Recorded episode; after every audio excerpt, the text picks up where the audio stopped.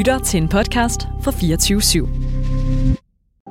We're in the window uh, when a Russian invasion could start anytime. Победителей не будет. Russia now has 80% of the troops it would need to invade positioned along Ukraine.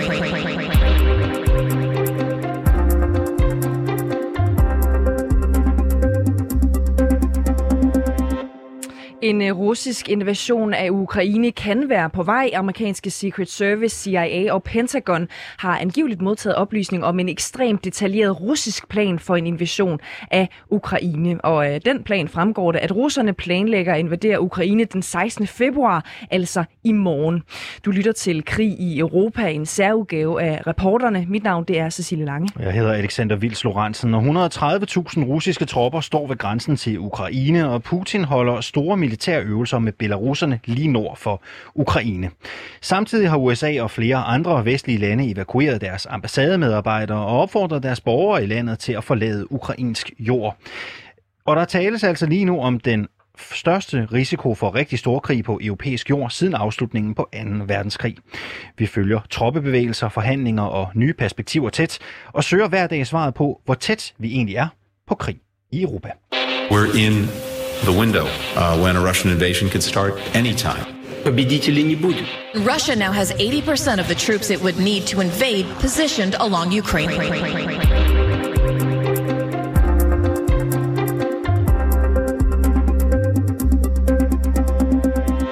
Og til det formål, så har vi også et øh, krigsbarometer med i øh, studiet. Øh, det er øh, lige bag ved vores øh, første gæst, det er Claus Mathisen. Der siger vi rigtig god morgen til lige om et øh, øjeblik. Og det er jo simpelthen et barometer, som det ser ud i helt øh, klassisk øh, forstand. Det Ja. går fra 1 til 10 øh, på skalaen, hvor 1 jo selvfølgelig er minimal risiko for krig, og 10 er øh, den højeste. Claus Mathisen, godmorgen og velkommen til. Jo, tak. Du øh, er øh, lektor i russisk sprog, kultur og militære øh, relationer. Øh, det er du ved Forsvarsakademiet, og så er du tidligere forsvarsattaché i Ukraine. Øhm, hvor på krigsbarometeret vil du øh, placere øh, pilen i dag? Hvor tæt er vi øh, på krig i Europa lige nu? Jamen, jeg er stadigvæk holdt mig lidt til, at vi er nok omkring midten. Øh, en fem, fem stykker. Øh, havde det været i går, var jeg måske lidt tenderende op i retning af 6, men i dag vil jeg godt måske pege pilen lidt ned i den anden retning, fordi jeg synes, der har været nogle få ting, som i hvert fald indikerer, at øh, det måske ikke er så overhængende, som at det synes at have været i et par dage. Mm. Ja, fordi hvis vi kigger på vores øh, krigsbarometer, så er der jo også øh, farvekoder på, som vi har lavet det nu for sådan at gøre det lidt, lidt mere øh, gennemsigtigt et eller andet sted. Sekseren, den er oppe i, i, i det, der begynder at være sådan orange-rødt, så kunne man kalde det. Øh, øh, femeren, der er vi nede på, på gult område. Prøv lige at sætte nogle ord på, øh, Claus Mathisen. Hvor- Hvorfor er det, at øh, du nedjusterer fra i går til i dag, for eksempel? Mm, det gør jeg, fordi i mellemtiden siden i går, er der, så er der faktisk et par ting, nemlig blandt andet har øh, den øh, russiske prestalsmand for Putin været ude og sige, at Putin øh, godt vil overveje fortsatte forhandlinger, selvfølgelig fordi man ikke har fået opfyldt de krav, man stillede til USA om sikkerhedsgarantier, og hvor Ukraine-spørgsmålet selvfølgelig er et centralt emne.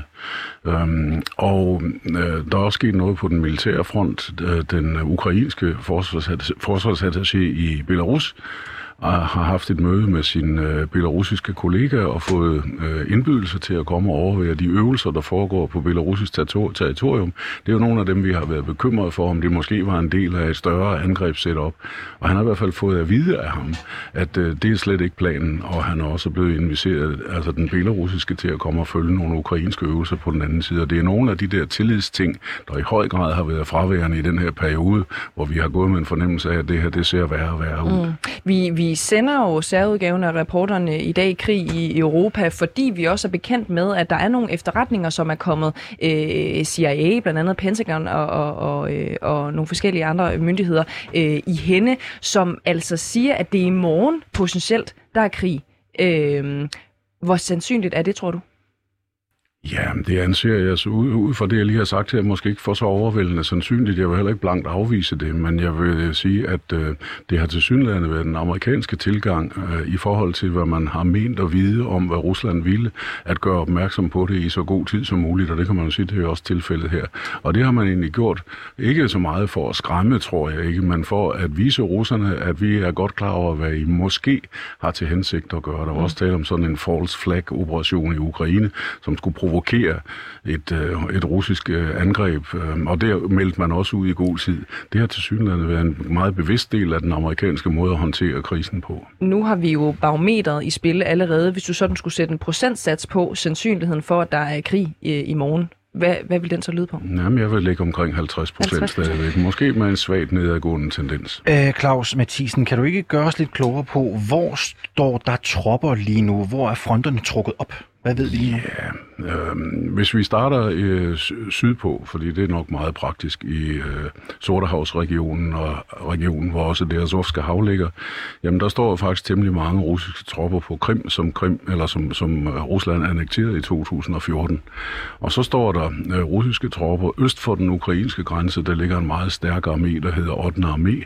Og så er der temmelig mange russiske tropper med repræsentanter fra mange forskellige arméer, også nogle, der ikke står der normalt, lige nord for grænsen. Og så har der så været øh, de her øh, russiske styrker helt ude fra russisk fjernøsten, som har været transporteret ind til Belarus for at deltage i en øvelse, som der var sådan en del spekulationer, som jeg nævnte før om, hvad er egentlig meningen med den her øvelse. Så der er ingen tvivl om, at hvis det handler om, om det russiske militære potentiale er til stede, så er det der. Og det er også en af grunden til, at man ikke kan sige, nej, det sker ikke.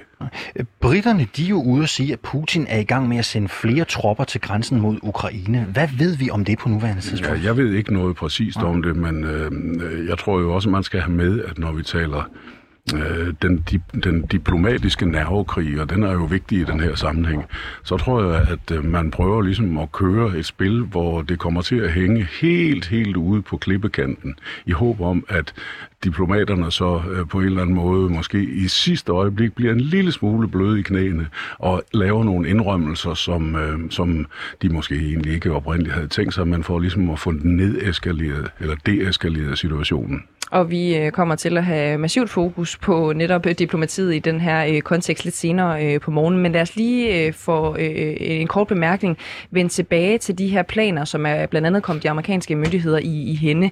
Øhm, hvis, jamen, jeg, jeg har to spørgsmål i virkeligheden.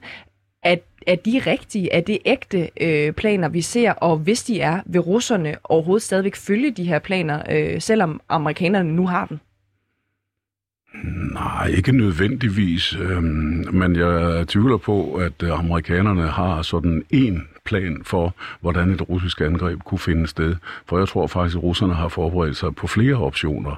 En af de sådan mere øh, overordnede militære idéer kunne jo godt være at lave sådan en øh, salami-metode, hvor man først gør noget for at vise, at det her det er altså alvor, og det er faktisk noget, russerne mener, og hvis det virkelig ikke kan føre til nogen resultater af de diplomatiske spor, så, så begynder vi så småt at tage de militære midler i brug, og så kan der jo ligge en en, en eskalering i planen, som sådan ligesom får flere og flere elementer af en militær mm. uh, intervention i Ukraine, udover den, der fandt sted i, 200, i 2014 uh, i gang.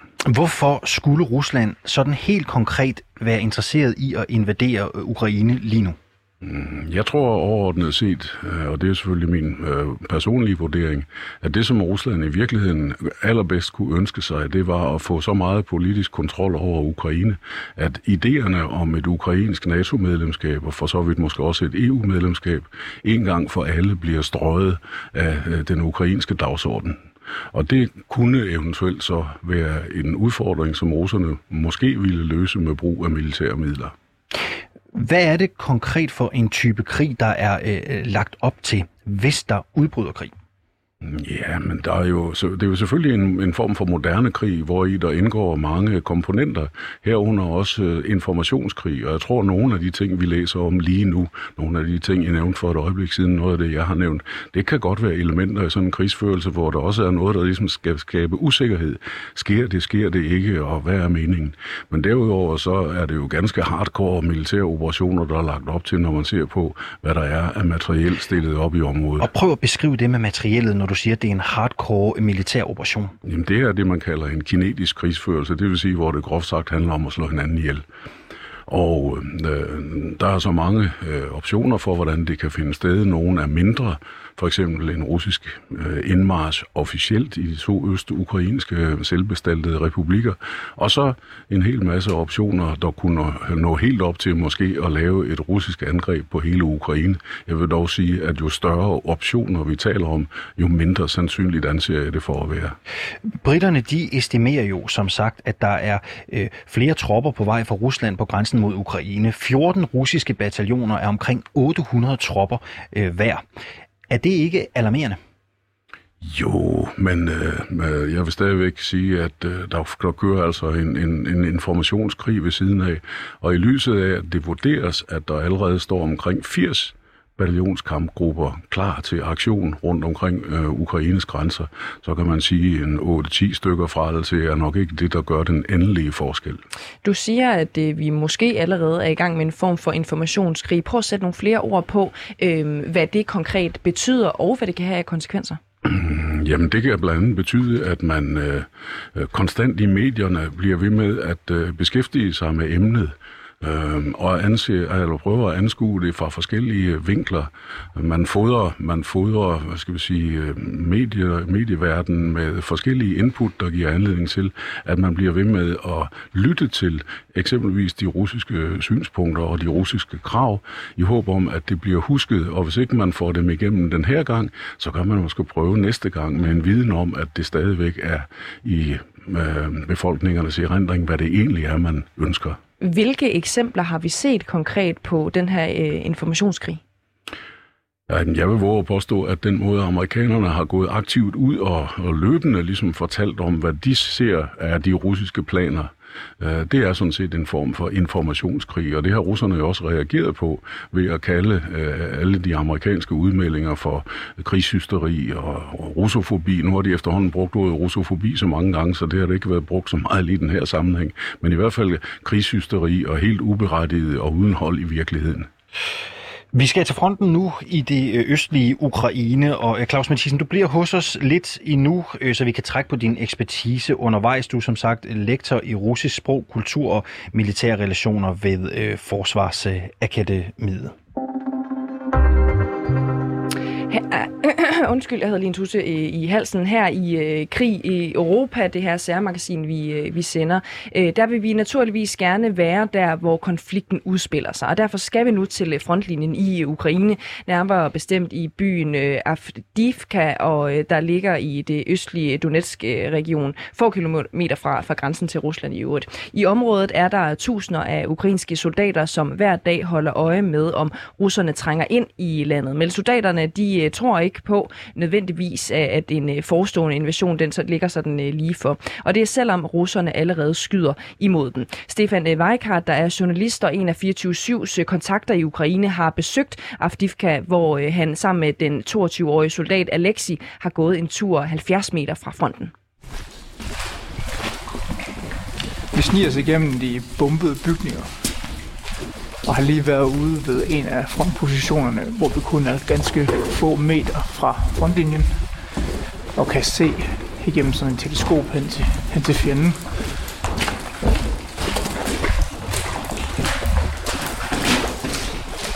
De her rum, vi går igennem lige nu, de er mærket med pile. Det virker som om, man lige ved, hvor man, hvor man skal gå igennem, så man ikke bliver, bliver væk i det her taget er ødelagt flere steder, og der er skudhuller i markeringer øh, gennem de her metaldøre, der er skudhuller, og de siger, at de har problemer herude med, med sniper. Tidligere krydsede vi et skilt, hvor der stod, at vi, er, vi gik ind i et område, hvor der var sniper. Det er одна из самых главных проблем. Снайперов очень много, работают. Vi har helt sikkert et problem med snigskytter. Det er faktisk et af de største problemer. Der er mange snigskytter. De arbejder, ser efter os, lukker. Derfor forsøger vi at lave så stille bevægelser som muligt. Vi kravler ikke ud nogen steder. Snigskytterne bruger også særlige teknikker til at lokke. Det vil sige, at de vil skyde et sted i en eller anden retning, og snigskytten vil sidde og vente, indtil vi kommer ud og giver et svar for derefter at tage et skud. Den slags taktikker findes, og det er ikke nyt for os.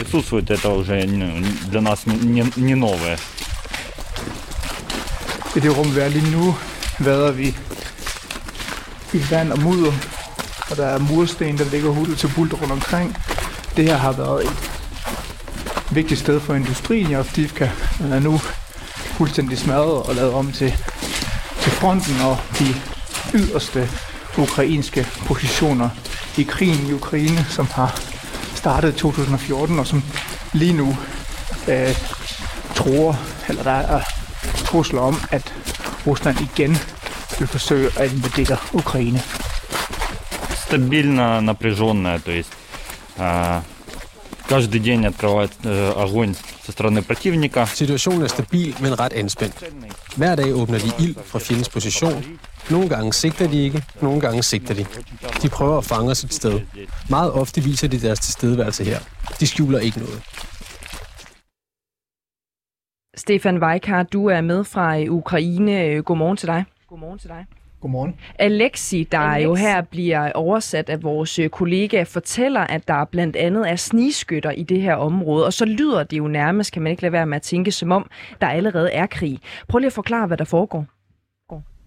Jamen det er der også. Der er absolut krig. Altså vi skal jo huske på, at blot fordi, at vi ofte ikke hører så meget om det i Danmark længere, så er Ukraine stadigvæk i krig med de her russisk støttede separatister. Og det har de været siden 2014. Det kan godt være, at kampene har stillet lidt af, siden de helt hårde år i 2014-2015. Men det betyder ikke, at, øh, at krigen er, er stoppet. Øhm, og så skal vi huske på, at der, den position, jeg har været ude ved her, det er 70 meter fra separatisternes øh, positioner. Og ja, vi kan jo, vi kan jo nærmest se det over. Øhm, og det de så har oplevet her for nyligt, det er, at der er øget aktivitet med sniper. Øh, det er simpelthen, altså der er også øh, sporadiske morterangreb, og der er også øh, maskinskyderi og sådan noget videre. Men, men der er de her sniper og den her kamp, der foregår mellem Ukraine og separatisterne i forhold til at lokke øh, hinandens soldater ud øh, i forskellige positioner, hvor de så øh, stikker hovedet op af en skyttegrav og så øh, bliver slået ihjel. Kan du prøve at uddybe, hvordan det er, vi allerede er i krig? Er i krig? Jamen det er vi jo, fordi altså, der, er jo ikke, der er jo ikke kommet nogen vej i fred. Altså, der har været forsøgt rigtig mange øh, øh, forskellige fredsformater og så videre siden 2014, og, og man har også været i stand til at lave en fredsaftale i 2015, som virkelig øh, reducerede kampene i Øst-Ukraine. Men, men forstået som om, at det så betyder, at man kan, at alt er fryd og gammel, det er det ikke. Der er daglige brud på våbenhvilen langt den her frontlinje, og det er noget, som vi hører øh, også måske tager lidt til nu. Øh, det er lidt afhængigt af, hvem man snakker med. Øh, men altså, det, det er ikke en krig, som er, som er over, og det er noget, som, som koster øh, soldater livet hver år. Og vi øh, prøver altså lige at tage den her en tur øh, tilbage i, øh, i studiet. Vi vender tilbage til dig, Stefan øh, Weikert, lige om lidt, øh, Claus Mathisen. Hvad er forskellen på den krig, der allerede er, og den, man frygter? Jamen, den er først og fremmest, at det, den, den krig, der allerede er, det er det, man kalder en lavintens konflikt med sådan et lidt trist uh, teknisk ord. Og det vil sige, at der foregår, øh, skal vi kalde det, krigshandlinger, fordi der falder soldater på begge sider hver eneste uge. Ikke nødvendigvis hver dag, men i hvert fald hver eneste uge, der er såret på begge sider. Men det vi måske øh, vil komme til at opleve, nu har jeg hørt, at min mening er sådan, at det er nok lidt tvivlsomt, selvom jeg ikke vil afvise det. Det er det, vi vil kalde en højintens øh, konflikt, og det vil sige, hvor man simpelthen øh, øh, prøver på at, at nedkæmpe så mange af fjendens styrker som overhovedet muligt, slå så mange ihjel som overhovedet muligt, ødelægge så meget af deres materiel som muligt, plus at ødelæggelserne af det civile terræn i form af bygninger, de vil også være omfattende i sådan en krig. Stefan Weicker, du er som sagt med fra Ukraine, du har været ved fronten, du er helt tæt på. Kan du fornemme, om det ukrainske militær virker parat, hvis Rusland skulle beslutte sig for at, at invadere? invadere? Det siger det, at de er, og jeg er helt enig i det, der bliver sagt før, at, at selvom der er krig nu, så det vi snakker om, der kommer til at ske, det er jo noget, som er meget mere alvorligt og meget mere altså meget mere det, som vi egentlig forestiller os som værende krig, ikke som almindelige danskere, kan man sige. Men ja, de siger, de er forberedt. De siger, at de våben, som de har fået fra Vesten, gør dem i bedre stand til at forsvare sig selv. Og de siger, at de er overbevist om, at de kan forsvare sig. Øhm, så det er jo i hvert fald det, som de soldater, som vi møder, fortæller. Alright, lad os lige prøve at øh, vende tilbage til din og din kollega Emil Fildenborgs tur med soldaten Alexi, hvor vi ser nærmere på, hvordan det ukrainske militær kan være klar på en mulig invasion. Vi bevæger os igennem en gammel fabrikshal. Der ligger lamper, der er faldet ned, og døre ned på, på jorden. Det er mudret, og der er murbrokker. Der er lange kabler på deres telefonlinje ned ad jorden. Flere steder står ammunitionskasser. Конечно, готово. В смысле, как мы готовы? Hvordan vi er klar? Altså, vi har alt, vi har brug for. Vi har uddannet militærfolk, vi har moderne militærudstyr, våben, uniformer, udstyr. Vi har overvågnings- og kommunikationsudstyr. Det er alt. Hvorfor skulle jeg være bange? Folk kan være bange et eller andet sted. Men da vi allerede er her, betyder det, at vi ikke er bange længere. Бояться, раз мы уже тут находимся, и то это значит, что мы уже не боимся. I den her del af fronten er alle skudsikre vester hjelm. Og Emil og jeg har også vores første hjælp medicinkasse på, hvis nu der skulle ske et eller andet. Nu er vi så kommet udenfor og ned i det, man nok kan kalde reelle øh, skyttegrave. Igen, findes positioner er ikke så langt væk. У нас есть э, средства противовоздушной обороны. Der er kampfly i Ukraine. Vi har antiluftværn, der registrerer fly ved indflyvning og kan ødelægge dem, som i hvert andet land. Derfor er det fint nok, at Rusland har fly, bare vi også har de midler, der kan modstå. Selvfølgelig er det vigtigt med udenlandsk støtte. Vi øger vores forsvar. Det er klart, at brugen af alle midler, både udenlandsk og personlig produktion, har stor betydning for landets forsvarsevne. Ja, Stefan Weiger, du er stadig med på en linje her, og du siger det selv, fronten den er ikke særlig langt væk. Hvorfor er det, at øh, soldaten Alexi her ikke er bange?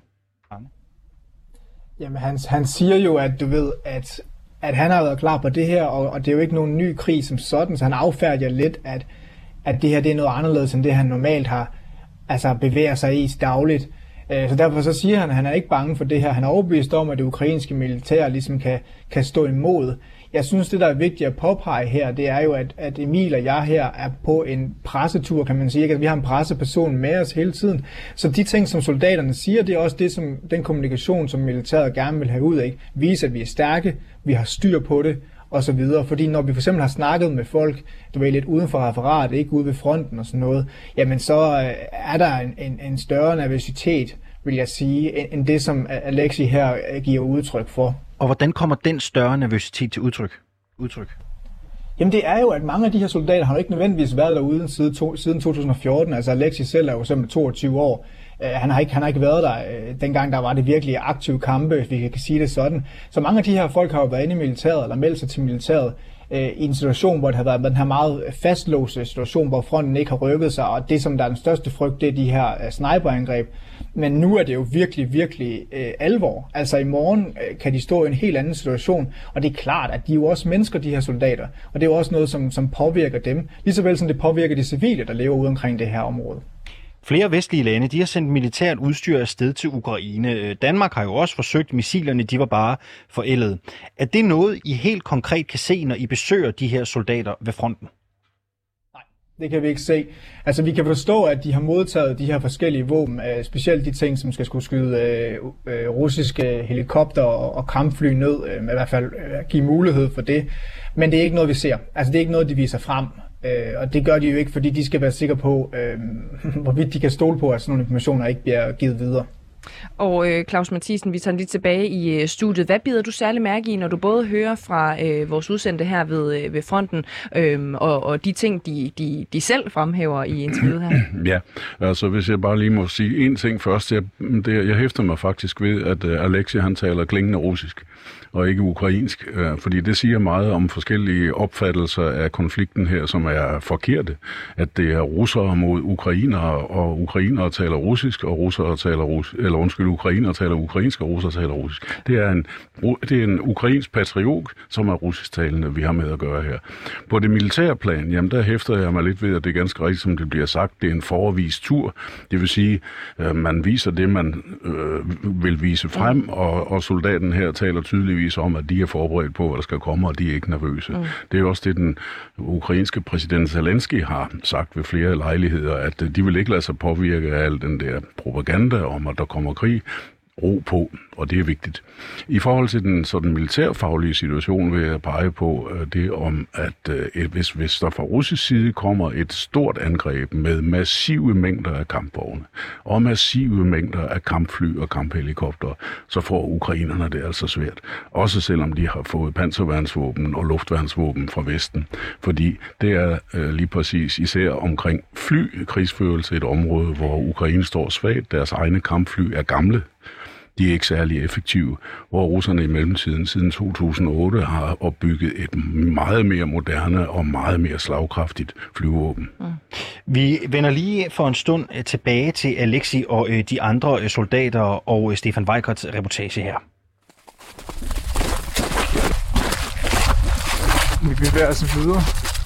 Har været inde og se et en af forposterne, hvor soldaterne ja, øh, nærmest har deres daglige liv.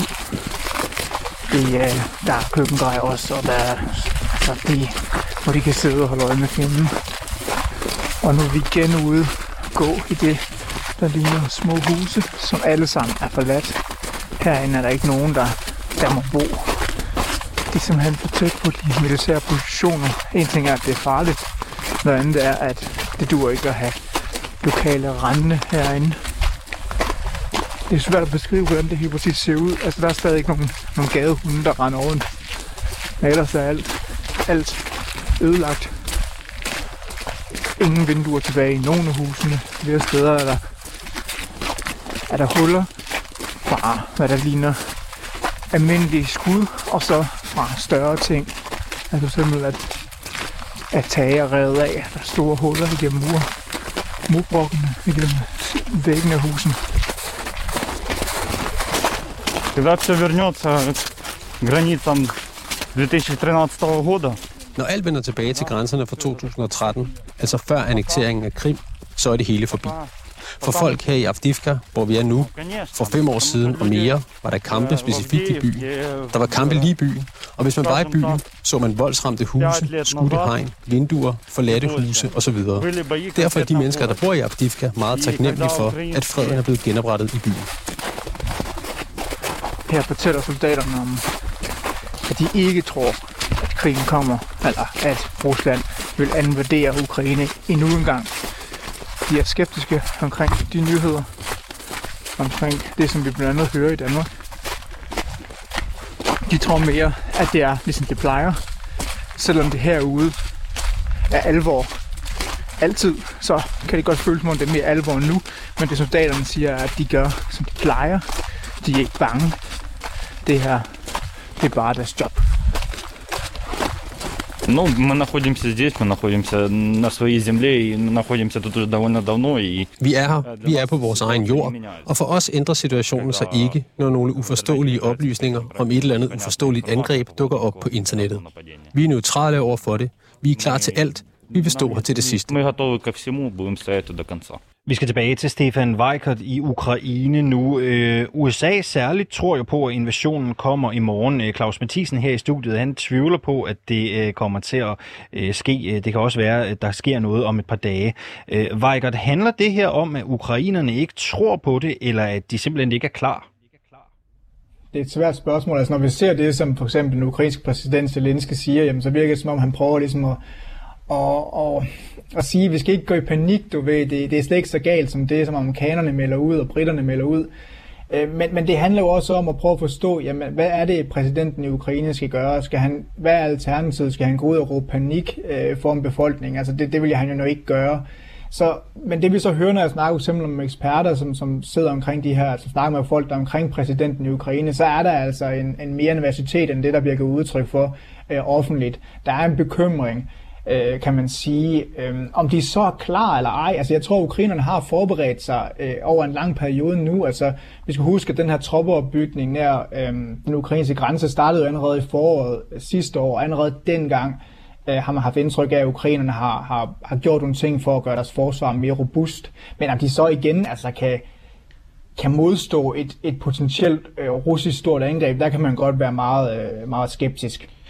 Står du selv som journalist øh, ved fronten til stede i Ukraine med en fornemmelse af, at der er noget på vej?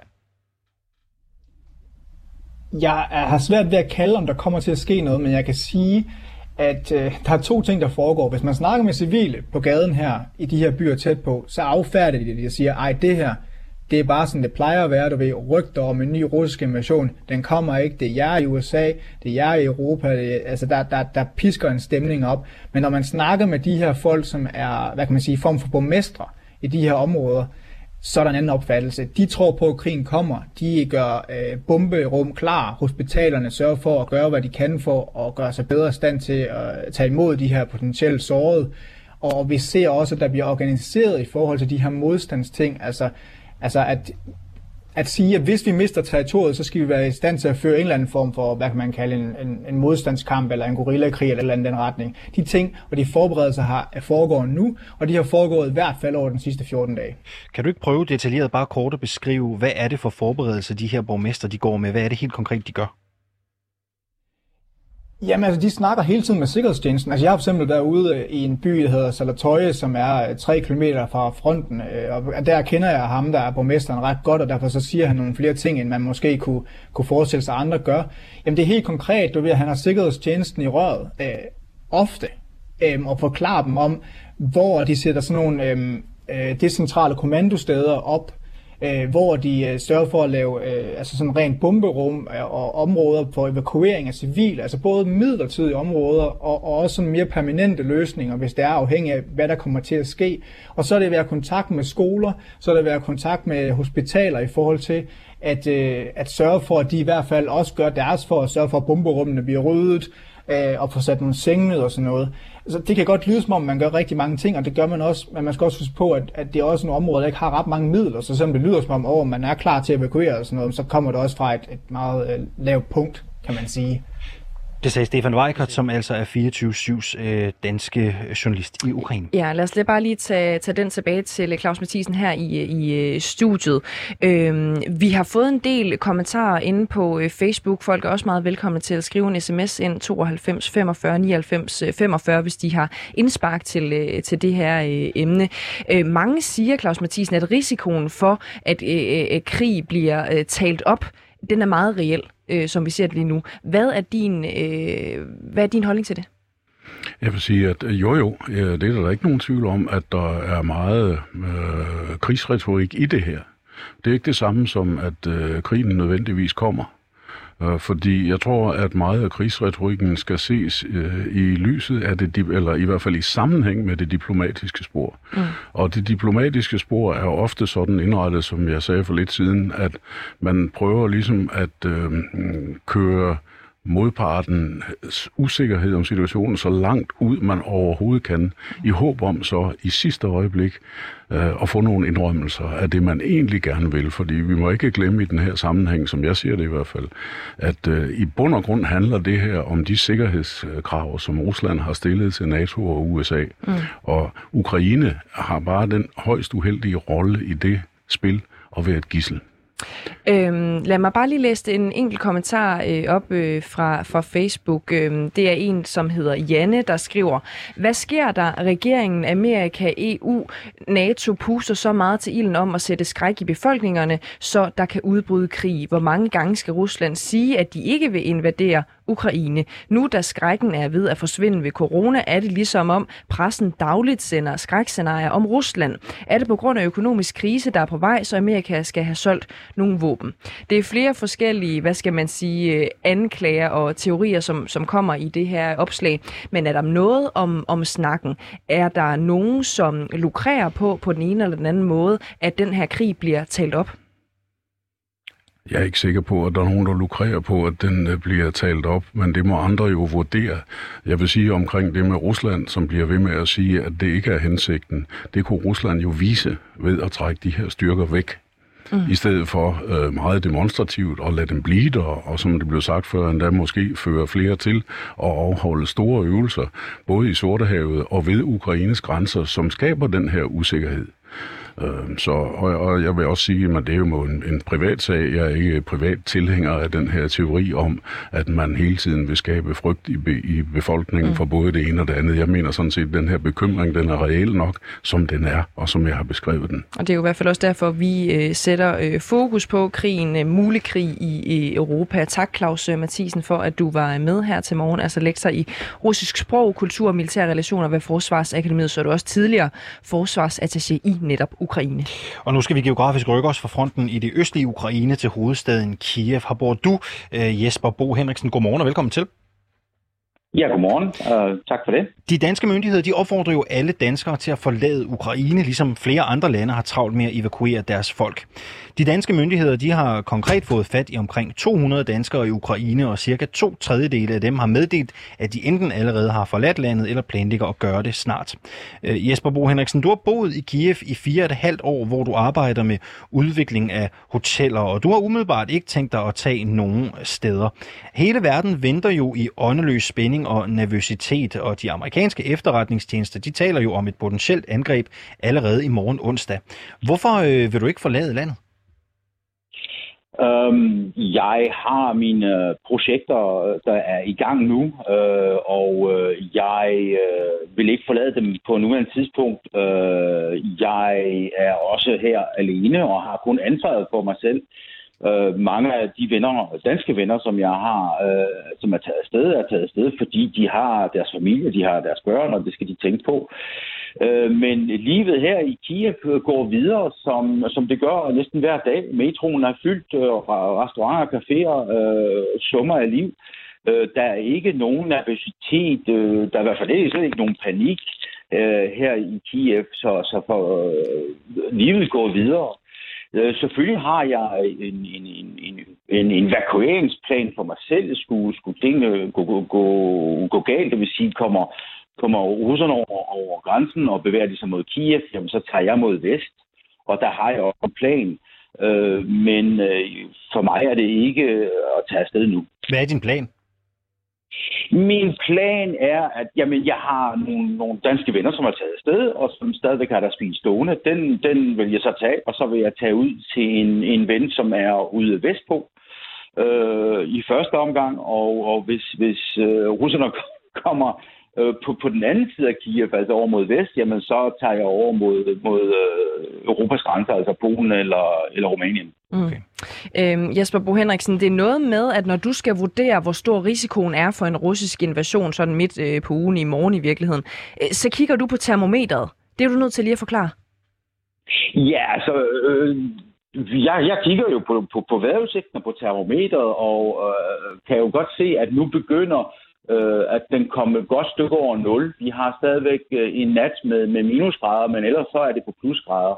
Og øh, når jorden øh, ikke er frossen, så kan der ikke lave, laves en stor invasion med, med, med tanks. Øh, og og, og det, det er altså en vigtig indikator. Selvfølgelig kan russerne komme ind for, for luften. Hvis de vil invadere landet, besætte landet, jamen så skal der jo materiel hen over, over, over, mm. over markerne. Og Ukraine er jo kendt for deres sorte øh, muljord, som, som er noget af verdens bedste landbrugsjord. Øh, men øh, når den først ikke er frossen, så kan man ikke køre på tanks i den. Godt. Øhm, jeg ved også, du mener, at den her trussel om øh, invasion rent faktisk har styrket Ukraine og har skabt et helt særligt øh, sammenhold. Hvad mener du egentlig med det? Jamen altså, øh, der er jo ikke noget bedre end at skabe en national identitet, øh, hvis man har en ydre fjende. Og der må man jo så sige, at der har Putin jo virkelig gjort alt for, at, at Ukraine over de sidste mange år skulle, kan, kan se en ydre fjende, fjende og identificere dem som, som russerne eller i hvert fald præcist uh, øh, Putins politik. Uh, og, og det mærker man også, når man uh, snakker med ukrainer, og dem, som jeg kender godt, uh, de er meget stolte af at være ukrainer. De identificerer sig med ukrainsk uh, historie, national, national følelse, identitetsfølelse, Øh, ukrainske flag ser man over hele bybilledet, og jeg har boet mange steder i, i verden, der bruger man ikke det nationale flag, som man, som man gør i, Ukraine. Øh, folk går de, øh, ofte i de nationale dragter øh, og bruger Visavanka-skjorten. Øh, og det er alt for at vise, at man er ukrainer, man er stolt af ukrainer, øh, at være ukrainer.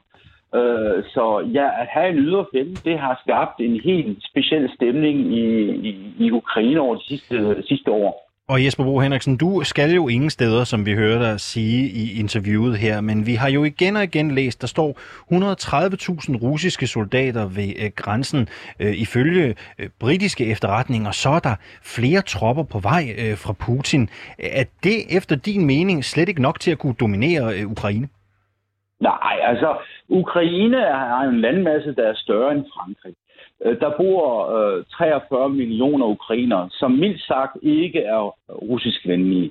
Øhm, så, så hvis, kan man med, med den troppemasse, som russerne har, kan de invadere landet? Ja, det kan de. Men de kan jo ikke dominere landet, de kan jo ikke besætte landet. Jeg, jeg har svært ved at se, hvad den langsigtede plan er med Ukraine, hvis, hvis russerne kommer ind. I hvert fald med kun 130.000.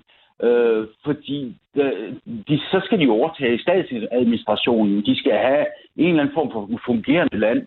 Øh, det, det er jo slet ikke nok. Øh, øh der, altså, der er jo, den ukrainske her er selvfølgelig ikke på niveau med den, den, den russiske, øh, men, men hele den øh, ukrainske befolkning er jo et helt andet sted. Og øh, to ting, altså, der, der er jo over en million registrerede øh, jæger i, i Ukraine, jo, som alle sammen har våben.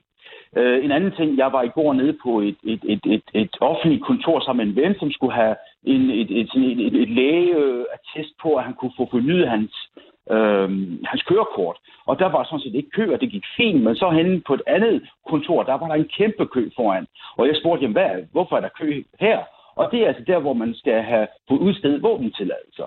Så det er klart, at der er jo en masse øh, forventning af universitet på, og hvad kan der ske, og, og, og, og ukrainerne er, absolut Prøv, ikke klar Bare lige kort her til sidst, er ukrainerne parat til at simpelthen øh, øh, gå civilt i krig og kæmpe mod russerne? Det skal jeg selvfølgelig ikke udtale mig om, men det, det, det jeg tror mange er. Og der, der er øh, helt klart en følelse af, at, at bliver vi invaderet, så skal vi forsvare vores land. Vi er ukrainer, vi er ikke russer, vi er ikke noget andet. Og vi kigger mod, mod vest. Vi kigger mod Europa, det er der, vi vil have Ukraine skal hen. Øh, og det er helt klart, hvad den specielt unge generation øh, ser sig som.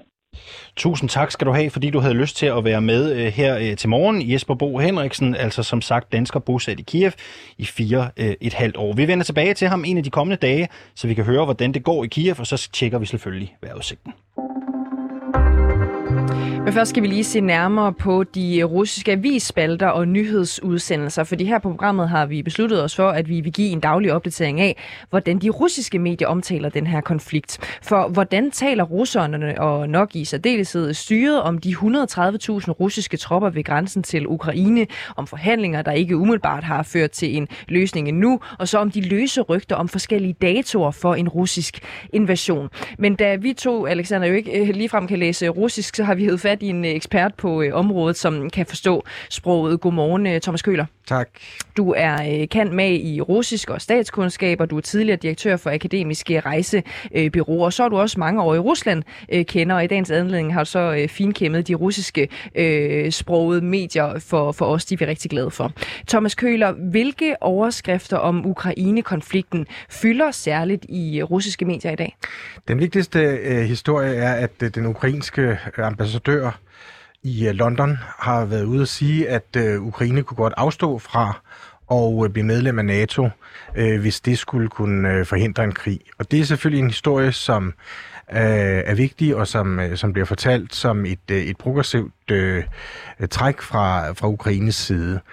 Øh, der øh, var også en historie øh, om øh, den tidligere ukrainske øh, premierminister Azarov. Han var premierminister fra 2010 til 2014 under mm. den øh, øh, russisk-venlige Janukovic, præsident øh, Janukovic, så det er måske ikke så overraskende, at han giver skylden for øh, konflikten til øh, Vesten og ikke til Ukraine.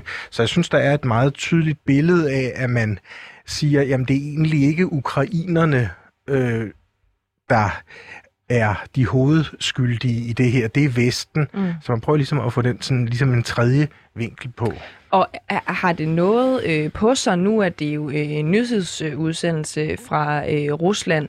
Øh, hvad er det, de henviser til, når de siger, at Ukraine vil have det helt fint med øh, aldrig at blive medlem af NATO? Jamen altså, helt aktuelt er det nogle udtalelser fra øh, den ukrainske ambassadør i London, øh, som, som er øh, noget, noget nyt, kan man sige, ikke? Mm. fordi øh, det har jo ellers øh, ligget i, i korten og i de internationale aftaler osv., at Ukraine kunne blive medlem af NATO, når Ukraine var klar til det. Mm. Og, øh, og det har været øh, en klar linje øh, for, for de øh, ukrainske regeringer, de seneste, i hvert fald siden Janukovic, at, øh, at det vil man øh, arbejde hen imod. Så det er øh, en, øh, en ny melding, og øh, så kan man så sige, at den ukrainske ambassadør i, i London får så lov til at, at gå ud med det budskab. Det er jo selvfølgelig et relativt lavt niveau. Det er ikke præsidenten, der siger det, det er en ambassadør i London, men alligevel er det jo en officiel udmelding fra den ukrainske regering. Mm, og det var så bare lige to øh, historier, du valgte at, at bringe op her, men i Vesten, øh, noget vi godt lige vil, vil ind på, der taler vi jo meget om risikoen for, at Rusland vil angribe Ukraine øh, når som helst. Mm. Men risikovurderingen ved jeg, den er en lille smule anderledes øh, i Rusland. Prøv lige at sætte nogle ord på, hvordan, hvordan lyder den?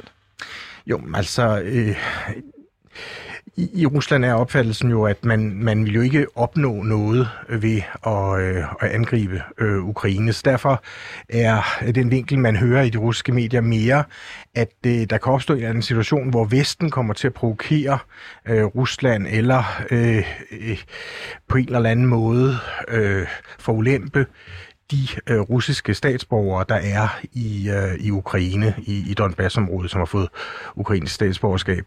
Øh, og det kunne så måske tvinge øh, Rusland til at... Øh, at gribe ind, øh, og det kunne så eskalere øh, konflikten. Og så er der jo øh, i forbindelse med øh, de øh, flådeøvelser, øh, der har været her på det seneste, øh, har der været nogle beskyldninger om, at øh, Rusland øh, øh, anlægger en blokade mod øh, Ukraine.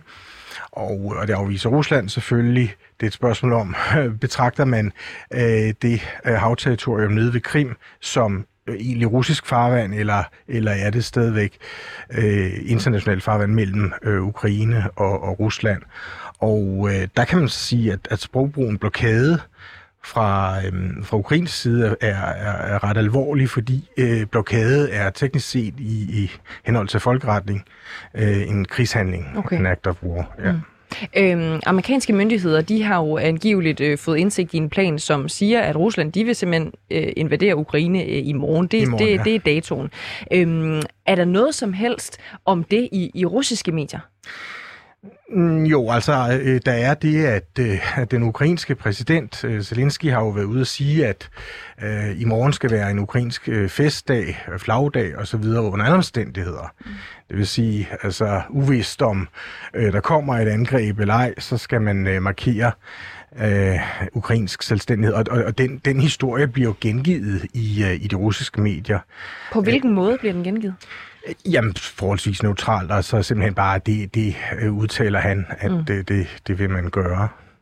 Øhm, Thomas Køler, tak fordi du har øje med de russiske øh, medier øh, for os. Det synes vi er ret spændende, og det kunne vi godt øh, finde på at gøre til et fast element her øh, ja. på programmet. Det håber jeg, du er frisk på. Ja, det er Tak for i dag.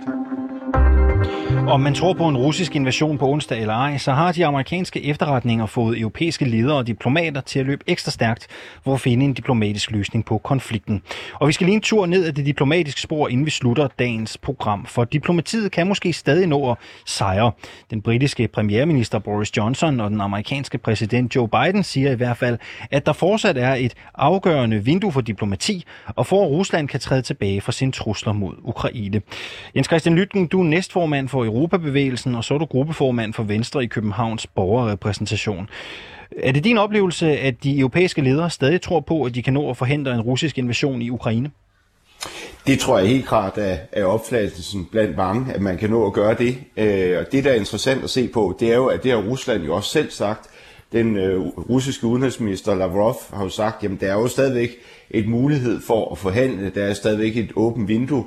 Øh, så fra russisk side er der i hvert fald ønske om det. Og så det, man må især bide mærke i, det er jo, at den tyske kansler øh, Scholz er i Moskva i dag. Han var i øh, Kiev i går. Øh, og det er jo især Tyskland, der har noget på spil i det her. Jeg vil faktisk sige, at efter Ukraine, så er det tyskerne, der måske har mest på spil, øh, fordi de har et øh, tæt forhold til Rusland, og de har jo den her pipeline Nord Stream 2, som faktisk allerede er klar men som ikke er taget i brug. Øh, og hvis det kommer til krig mellem øh, Rusland og Ukraine, så har amerikanerne jo sagt, jamen så bliver den her pipeline ikke til noget. Så tyskerne, de har for alvor noget på spil i det her, og det er derfor, at de tyske diplomater løber så stærkt, som de gør, og det er også derfor, at Scholz han er i Moskva i dag. Det er øh, fordi, at man vil, vil, dels vil, vil undgå en krig i Europa, men er jo så også fordi, der er meget stærke tyske interesser på spil. Men ved vi, Lytten, er der nogen konkrete forhandlinger i gang lige nu? Jeg ved ikke, om der er lige nu. Altså, det holder man jo hemmeligt, øh, de forhandlinger, øh, der foregår. Men altså, når der foregår et møde mellem øh, den tyske kansler øh, og mellem den russiske præsident, så foregår der jo også nogle, nogle sideløbende øh, forhandlinger, hvad skal man sige, på embedsmandsniveau. Øh, øh, og så synes jeg også, at man skal bemærke det, Scholz sagde i går, at øh, det er jo ikke aktuelt, at Ukraine øh, bliver medlem af NATO. Og det er jo sådan et eller andet, man sådan kan kan give til russerne, altså skyde det her spørgsmål om NATO-medlemskab til hjørne. Og det har man jo så set gjort en gang før, det gjorde man også i 2008, øh, da, da, da, da det senest var på tale, at Georgien og Ukraine skulle være medlem af NATO, jamen så blev, blev det her øh, spørgsmål øh, udskudt på ubestemt tid. Og det er måske sådan et budskab, som øh, Scholz han har, har med i kufferten til, øh, til Moskva. Er europæerne og Tyskland mere interesseret i en diplomatisk løsning end amerikanerne? Altså vil europæerne gå længere? Det tror jeg sådan set ikke, fordi at øh, amerikanerne er jo heller ikke interesseret i øh, en krig i Europa. De er slet ikke interesseret i at skulle udstationere øh, soldater. Øh, den linje lagde man jo allerede under Trump, og man siger, Biden har jo fulgt den samme. Øh, det, det er ikke noget, øh, som der er interesse i i den amerikanske befolkning, at man skal være engageret i konflikter rundt omkring i verden, øh, og, og slet ikke i, i Ukraine, hvor der ikke måske sådan for alvor set med amerikanske øjne øh, er det store øh, på spil, i hvert fald ikke set med de amerikanske vælgeres øjne. Øh, så amerikanerne er ikke interesseret i krig. Øh, tyskerne øh, er, er slet ikke interesseret i den her konflikt øh, med, med Rusland. Dem, der måske især har noget på spil øh, i forhold til det her, det er jo de østeuropæiske lande, som føler, at deres sikkerhed også bliver truet i det her. Og der må man sige, der er jo også lidt, lidt blandet øh, diplomatiske indsatser der, fordi øh, den, den ungarske statsminister Orbán har jo også selv været i Moskva. Øh, og det var ikke så meget for at forhandle øh, ukrainernes sag, det var mere for at udnytte situationen til at få nogle, nogle billigere øh, gasaftaler i forhold til, hvad, hvad Ungarn skal betale for, for, for russisk gas. Øh, men generelt så, så er østeuropæerne nok lidt mere påpasselige i forhold til, hvor langt man vil gå øh, for at plise Rusland i det her spørgsmål. Den ukrainske regering bad jo mandag om hurtigt at få et møde med Rusland og flere europæiske lande for at få ja. en forklaring på den store militæropbygning langs grænsen til Ukraine. Er det lykkedes? Øh, jeg tror ikke, det lykkes indtil videre det her. Øh, man kan også sige, at de kunne også have bedt om det på, på et tidligere tidspunkt. Det er jo sådan set noget, der er øh, en del af, af, af aftalerne inden for OSCE, at man kan bede om de her møder, hvis der lige pludselig opstår øh, massive troppeopbygning, Og det gjorde det jo allerede øh, tilbage i november måned. Men det er jo også lidt for at udstille, at Rusland ikke spiller efter reglerne. Øh, fordi de skulle sådan set også have, have informeret øh, Ukraine om, at man foretager alle de her øh, øvelser drøftelser, øh, både i Rusland, men, men også i, i Hvide Rusland. Så det tror jeg, man mere skal se for, øh, for, for signal fra, fra Ukraine, Ukraines side om at udstille øh, de her russiske bøllemetoder.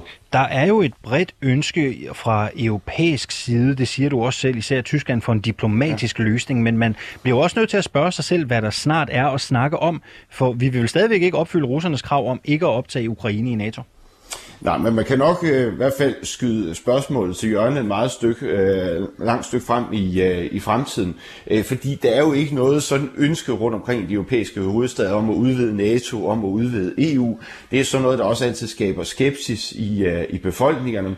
Det man også kan gøre, det er jo også at se på, øh, kan man lave nogle flere våbenkontrolaftaler i Europa.